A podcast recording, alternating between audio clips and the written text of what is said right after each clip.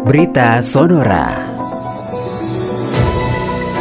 Segede Merana untuk berita Sonora, PMK Badung membentuk Satgas untuk antisipasi penyebaran PMK.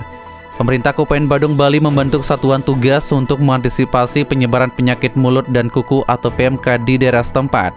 Hal itu diungkapkan oleh Sekretaris Daerah Kabupaten Badung Iwayan Adi Arnawo di Manggupura.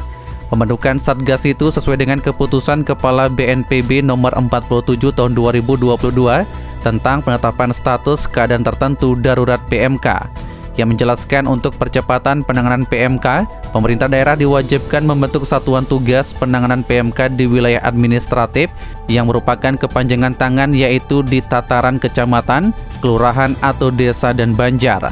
Diungkapkan bahwa keanggotaan Satgas PMK ini juga agar melibatkan seluruh komponen multi pihak berbasis komunitas dan tetap mengedepankan prinsip satu komando dan keterpaduan upaya. Pihaknya telah meminta Kepala Pelaksana BPBD Badung untuk segera membentuk draft surat keputusan sekaligus menginformasikan kepada berbagai tim yang masuk SK Satgas PMK itu.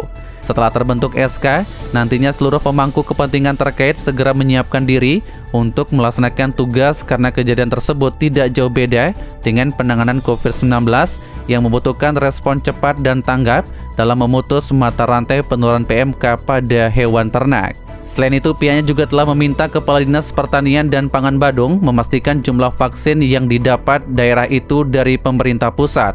Pemka Badung juga akan selalu berkoordinasi dengan pemerintah provinsi dan pusat agar penanganan PMK berjalan sesuai dengan strategi percepatan penanganan PMK. Sementara itu, Kepala Pelaksana BPBD Badung Iwayan Darmo menjelaskan, penanganan PMK yang dapat menimbulkan dampak kematian ternak dan kerugian material peternak serta masyarakat dibutuhkan tindakan cepat dan juga tepat. Untuk itu, pihaknya diminta untuk secepatnya dilakukan pembentukan Satgas Penanganan PMK dan menyiapkan strategi percepatan penanganan PMK. Demikian Kedimerana untuk berita Sonora kembali ke program selanjutnya.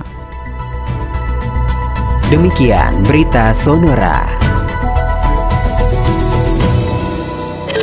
Anda bisa mendengarkan berbagai informasi dalam bentuk audio via podcast Sonora Bali 98,9 FM on Spotify.